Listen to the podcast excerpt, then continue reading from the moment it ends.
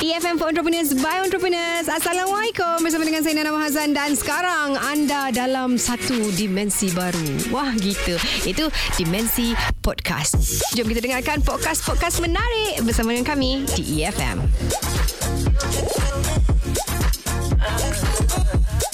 Uh, membeli makanan di food truck ini menjadi satu trend rakyat Malaysia khususnya di bandar-bandar kerana ianya mudah dan juga cepat dan fenomena ini adalah sesuatu yang bagus untuk usahawan-usahawan food truck ini kerana ianya mempelbagaikan kaedah perniagaan selain memberikan pulangan yang lumayan kepada usahawan food truck itu sendiri dan bisnes ini juga menjadi uh, tarikan kepada pelancongan kerana ianya secara langsung memperkenalkan budaya dan makanan tempatan kepada pelancong domestik dan juga luar negara.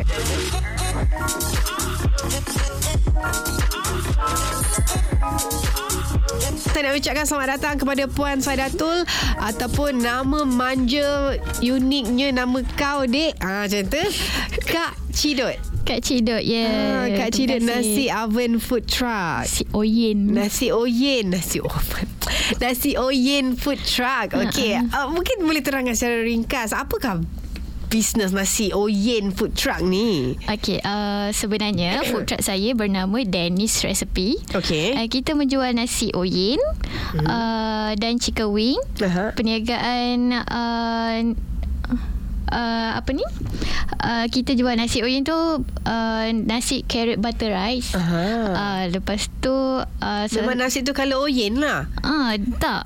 Tak Tak orange. putih Ha, warna macam warna nasi- nasi butter okay. tapi ada warna orange carrot-carrot tu. Okey. Kita shredded fresh lah hari-hari bukan frozen. Okey. So kita tak ada guna MSG, mm-hmm. memang fresh ada si ada halia, Aha. ada carrot, ada butter yang Aha. high quality punya. Right. Ha, lepas tu memang akan jadi sebutan dekat semua orang sebab dia nasi oyen, nasi oyen. Right Dan apakah lauk nasi oyen ni Kan nasi oyen tu makan begitu saja Ha, kita ada lauk ayam grill. Aha. Ada dua flavour. Okey. Satu pedas. Uh-huh. Uh, kita namakan nasi oyen, ayam sambal serai. Okey Uh, so kita ada ayam grill dengan separate lah. Uh-huh. Sam- sambal tu kita put atas dia je. Okey Uh, lepas tu nasi oyen ayam grill, Uh-huh. uh-huh. kita guna spicy butter sauce. Ah, Right itu memang uh, kegilaan regular customer kata uh. nak sos lebih ya, sos lebih. Oh, Ah. sebab sos dia sedap juga. Ah. Wow, menariknya. Dan bila sebenarnya uh, Cidot mula buat ni dan kenapa memilih bisnes food truck? Okey, uh, saya bermula berniaga ni pada tahun 2014. Aha. Uh, uh, lepas tu kita growkan bisnes sebab kita apa mendapat sambutan yang menggalakkan Aha. uh, kita mencari kedai tapi macam kurang mampu waktu Ah, tu okey. jadi bila ada peluang untuk kita dapatkan satu food truck Uh, ini tawaran daripada Perbadanan Putrajaya lah. Okey. Dia bu, dia buat satu apa program untuk food truck usahawan muda. Aha. Uh, kita kita datang interview, kita apply semua. Alhamdulillah Ah. dapat. Kita terus niaga Putrajaya. Wow, maksudnya benda tu truck tu di, di, diberi secara percuma? Ah tak. Oh, Ah okay. tu uh, dia Maksudnya nak apply tu nak apply apa? uh, dia dia apply dengan Mara. Okey. Tapi saya pilih untuk buat sendirilah. Aha. Guna loan sendiri semua. Ah, tak guna Mara. Tak Belum guna lagi. Mara, belum lagi. Okey. Ah. Dan sebenarnya uh, untuk food truck ni biasanya dia orang ada community dia orang sendiri, ada uh, persatuan. Macam Hmm. untuk uh, Cidok sendiri ada join dengan mana-mana uh, persatuan usahawan food truck setempat ke ada? Ah, ada Putrajaya sendiri ada Persatuan Food Truck Putrajaya yang ditubuhkan pada tahun 2016. Uh-huh. Uh, selepas tu saya ada join Food Truck Valley. Aha. Kita ada join KLCC Food Truck dan food truck yang lain-lain lah. Okey, sekarang ni ada dua food truck katanya ah. untuk uh, untuk perniagaan yang sama, Ah, jenis yang sama. So far lah So far dua Alright. Kita bakal ada lagi Tiga lah tambahan Untuk Daniel Sesepi Cawangan di negeri lain Oh, okey, Ah. bukan di Putrajaya saja. Betul. Yang ni dua-dua di Putrajaya. Betul Okey, selepas ini di mana lagi tiga tu? uh, Kemungkinan besar Di Melaka Aha. uh, Kuantan Mhm. Satu lagi mungkin di uh, uh, utara. Ah. Uh, masih Maksudnya- dalam ni lagi Perbincangan lagi lah Ah. Alright Okay Berapa sebenarnya uh, Pendapatan sebulan okay, Pendapatan kasar lah uh, Meniaga food truck ni Memang boleh uh, Membuat pendapatan yang lumayan ke Boleh mendapat pendapatan yang lumayan tak Buat food truck ni Alhamdulillah boleh sebab dia bidang makanan semua Hmm. orang akan makan uh, jika kualiti makanan tu bagus Hmm. orang akan repeat repeat repeat repeat uh, lepas tu pendapatan bulanan lebih kurang 不让30 lebih ke 50 tak sampai 50 lagi lah Ah, Dan Alhamdulillah. kalau kos operasi pula Sebab tu memang uh, Secara kasar lah Belum tolak Ah, kos dan sebagainya betul, betul, betul. Uh, Kos operasi sebulan berapa Agak-agak uh, belum cecah 20,000 lagi lah Uh, Alhamdulillah banyak lah juga untungnya double gerang kita. Ah sebab itulah mungkin uh, ramai juga kalau kita tengok di kawasan Kelang Valley ni di di, di Selangor di Hmm. KL sendiri kan me- memang uh, makin lama makin ramai uh, mereka yang berniaga menggunakan food truck ni mungkin sebab uh, fleksibelnya boleh bergerak ke sana sini dan mungkin kosnya yang mu, uh, mu, murah sikit berbanding kalau kita ada kedai. Betul. Saya nak tahu juga operasi di dalam food truck ni penyediaan makanan ni memang 100% di dalam truck tersebut atau macam mana? Uh, bukan 100% sebab kita akan hidang kepada customer tu panas-panas. Okey. So dari rumah kita akan sediakan macam kita dah masak nasi oyen. Aha. So kat atas food truck ada warmer. Okey. Kita dah rebus siap-siap pasta. So Okey. dekat sana per order baru kita masak macam cheese spaghetti, hot sauce spaghetti saya. Faham, Ah. faham. Lepas tu Ah. dengan yang snack kita ada meatball, parata kita on the spot grill. So semua orang dapat panas. Right. So benda tu pun main peranan pada pasal kos. Hmm. Uh, so kita hidang benda yang fresh. So itulah kos dia. Ah. kita bukannya hidang lambak pilih macam pasal malam tu Betul, kan. betul, betul, Ah, So betul. benda tu memang terjaga dengan rapi. Ya, dia sebenarnya macam restoran juga, made to order gitu. Ah. Ah, tetapi di dalam food truck. truck yang lebih Ah, santai. Yes. Ah. Mungkin harganya berbeza dengan rest- restoran. Mungkin kos-kos itu yang tak ada di di di restoran sebenarnya. Okey, berapa sebenarnya modal Cidot eh masa mula-mula nak buka bisnes ni untuk food truck yang pertama?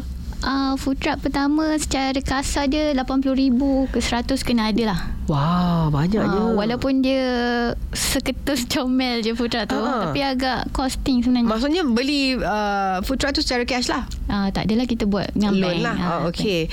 Uh, maksudnya kos 80 hingga 100 ribu tu termasuk dalam barang nak masak modal modal 3 months ke 6 months ah, kena ada lah Kena ada lah Sebab untuk kita- rolling lah. Hmm. Ah, okay, cushion. Sebenarnya untuk kalau kita nak buat perniagaan tu betul macam kata Cidot, kita kena ada at least kita punya expenses untuk 3 hingga ke 6 bulan. Ah, ah, kena betul, ada. betul. Ah, itu kalau kita lah kata tak buat apa-apa, at least kita ada duit untuk kita roll tu. Jadi 80 hingga ke 100 ribu juga untuk mulakan bisnes ni. Dan sebagai seorang usaha food truck ni boleh kongsikan apa agaknya syarat ataupun lesen yang ada kena ada. Ah, mungkin boleh kongsikan dengan orang lain yang nak buat berniaga ni. Boleh. Uh, siapa yang nak uh, ada food truck sendiri, Hmm. yang pertama sekali anda kena ada uh, lesen kereta. Aha. Bila ada lesen kereta baru boleh buat lesen GDL Okay. untuk food truck. Alright. Uh, lepas tu uh, kena uh, pastikan nama tu clear daripada PTPTN ke.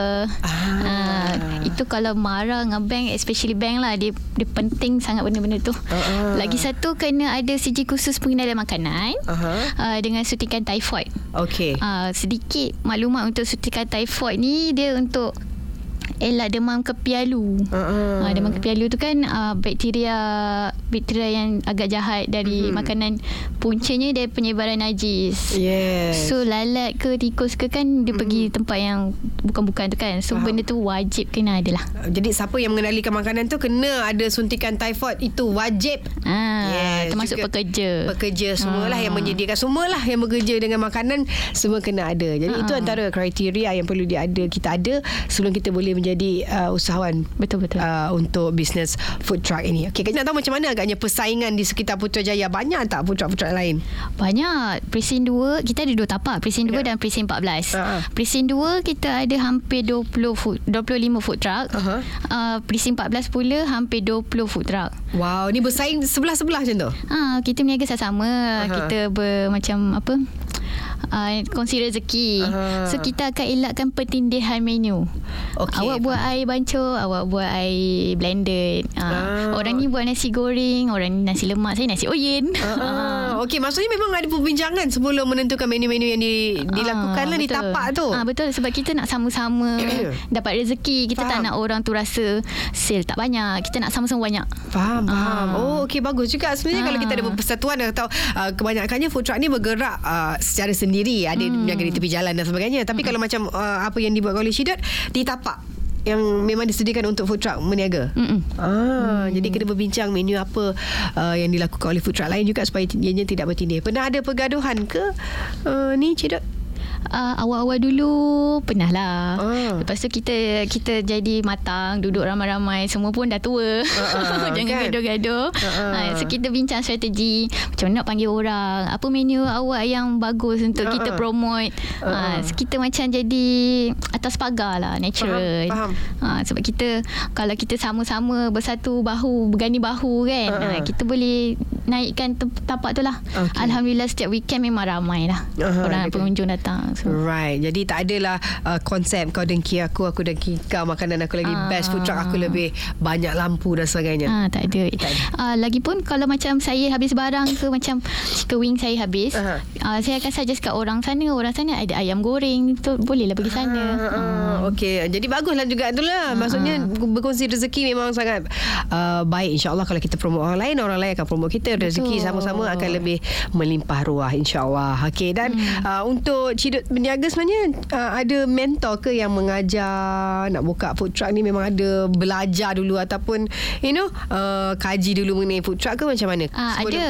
Saya pernah ikuti kursus pemantapan food truck di bawah InScan. Okey. Uh, lepas tu setiap kumpulan akan diberi seorang mentor. Mentor tu uh, adalah peniaga food truck yang lebih Dah otai lah. lah, okey. Uh, lepas tu uh, macam dia akan fokus peniaga ni apa yang kurang so dia akan baiki kelemahan tu naik boostkan sale dia. Ah. Ha, macam saya dia fokuskan pada packaging, Aha. uh, marketing strategi saya dengan uh, pesu- penyusunan kewangan. Ah, itu antara Ah. benda yang di di di diutarakan lah, Difokus kat difokuskan Dennis lah. Recipe. Ah. Right, okay. So selepas selepas uh, habis uh, bermentorkan itu, uh, adakah masalah-masalah ini dapat direktify macam mana? Ah dapat di, di baik di, ditambah baik lah. Aha. Uh, kemudian Dennis Recipe pun dinobatkan sebagai uh, usahawan yang, yang paling naik apa? Cepat. Paling bagi ni lah improve tu. Ah. Uh, macam nombor satu lah punya achievement. Wow, banyak mendapat orang kata pem, pembaikan kenaikan, Kenaikan, kenaikan ah. dengan cepat lah. Ah, ah, Ah, ah. wow, tahniah. Betul, betul. Terima kasih. Ah, Lepas alright. tu uh, saya nak kongsi uh, uh, saya punya mentor tu uh, food truck Life Familia. Mhm. Encik Daniel. Okey. Uh, dengan Point Ita dari food truck Good Mixer. Mhm. Ha, So, dia banyak banyak bantu saya lah dalam dari segi menu, mm-hmm. Marketing. Mhm. Ha, semua tu lah. Masih lagi bekerjasama dengan mereka? Masih bertanya-tanya lagi jadi anak murid. Ah, which is very good lah kan. Okay. Dan nak tahu juga cabaran terbesar uh, sepanjang mengusahakan perniagaan ini. Food truck sama je macam penggerai tepi jalan. Kita akan ada masalah dengan cuaca hujan lah. Uh-uh. Cuaca buruk. Kalau panas uh, pun masalah juga. Uh-uh. Uh, tapi bila musim hujan ni kita akan ambil inisiatif lain lah. Kita buat delivery. Uh-uh. Uh, payung ke pintu kereta. Uh, lepas tu lagi satu cabaran waktu bulan puasa dan ke bulan raya. Aha, kenapa Ah. eh? Bulan puasa kita tak dapat nak niaga sampai ke subuh untuk apa sahur kan. Uh-uh. Uh, lepas tu waktu nak bazar Ramadan semua orang bertumpu ke bazar. Uh-uh. So kita dekat sini terasing sikit lah. Faham. Uh, lepas tu kebetulan setiap Ramadan kita akan perasan dia akan hujan. Oh yeah. Uh, yang saya uh, perasan tahun pertama dua minggu straight hujan. Mhm. Tak ada sale, tak ada apa tu. Wow. Barang banyak kita bersedekah je. Mhm. Uh, kita hantar ke untuk orang lepas terawih kan. Uh, barang niaga hantar ke masjid je. Uh-uh. Uh, lepas tu yang tahun lepas uh, tiga minggu hujan saja. Mhm. Seminggu lebih sikit je sebelum raya tu kita dapat raih sikit lah untuk cover duit raya staff kan. Mhm. Ha, lepas tu uh, untuk dua bulan ni kita kita jadi macam belajar lah untuk tahun ni tahun ni kita akan tukar strategi. Okay. Ha, Apa kat strategi tu? Jeng jeng jeng. Jeng jeng jeng. Harap-harapnya tak hujan sebab kalau kita tengok sekarang ni macam panas je.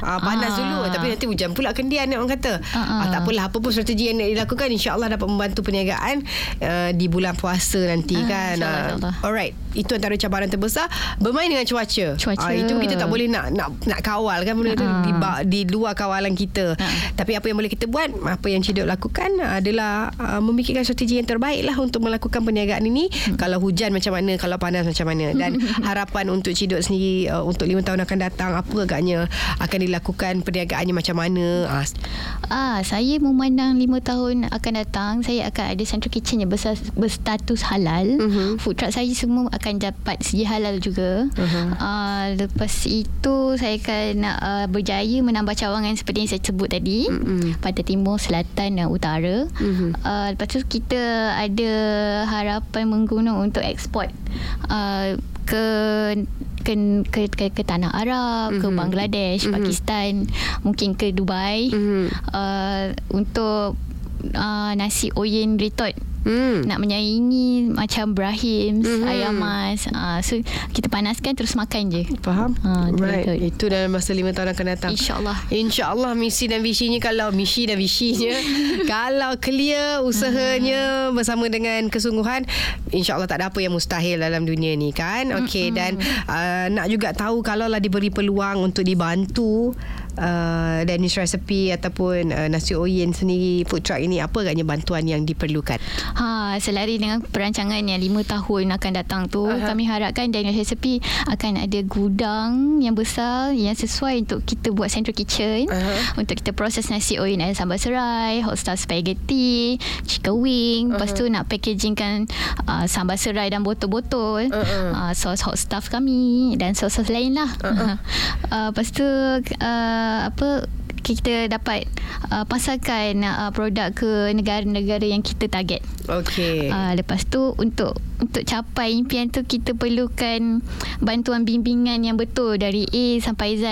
Faham. Uh, lepas tu perniagaan ni kan dia infinity kan mungkin akan sampai ke cicit saya. Uh-uh. So kita kita perlukan asas yang betul supaya benda tu akan berjalan dengan lancar walaupun saya dah tak ada dah kan. kan tak- perancangan itu yang penting jadi Betul, untuk betul. mendapatkan bantuan dari segi uh, sokongan Ha. uh, mungkin cara yang betul untuk menjalankan ni macam mana Ha. untuk kita mencapai uh, kita punya target tu uh, untuk men- mengeksport secara global lah. Ha. Uh, Okey, bantuan tu mungkin kita boleh dapat daripada agensi-agensi yang berkenaan. Kita mungkin boleh usulkan apa yang di, diperlukan oleh Cidok sendiri kepada Hmm. uh, mereka-mereka yang berkenaan. Mungkin boleh diguna pakai.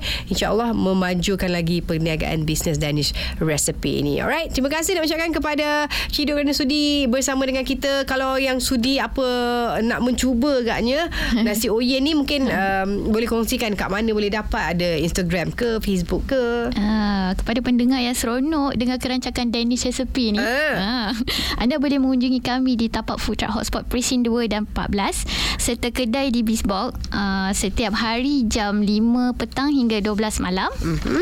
Ah, boleh add Facebook Danish Recipe atau follow FB Danish Recipe dengan hashtag Danish Recipe. Mhm. Uh, untuk tempahan catering, family day, meeting, kenduri kahwin, majlis, tunang, akikah dan lain-lain secara food truck Mhm. ataupun buffet atau packing pun boleh ju- uh, call Mhm. Kak Cidut ni uh, di 0132748901 Mhm. uh, atau boleh terus add Facebook Kak Dodot ni. Ah, apa nama Facebooknya? Kak Dodot. Kak Dodot.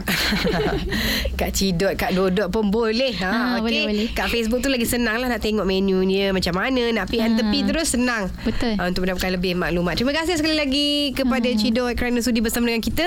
Uh, berkongsi sikit pengalaman macam mana beliau mengusahakan perniagaan food truck beliau. Thank you so Okay, much. thank you Kak Nana.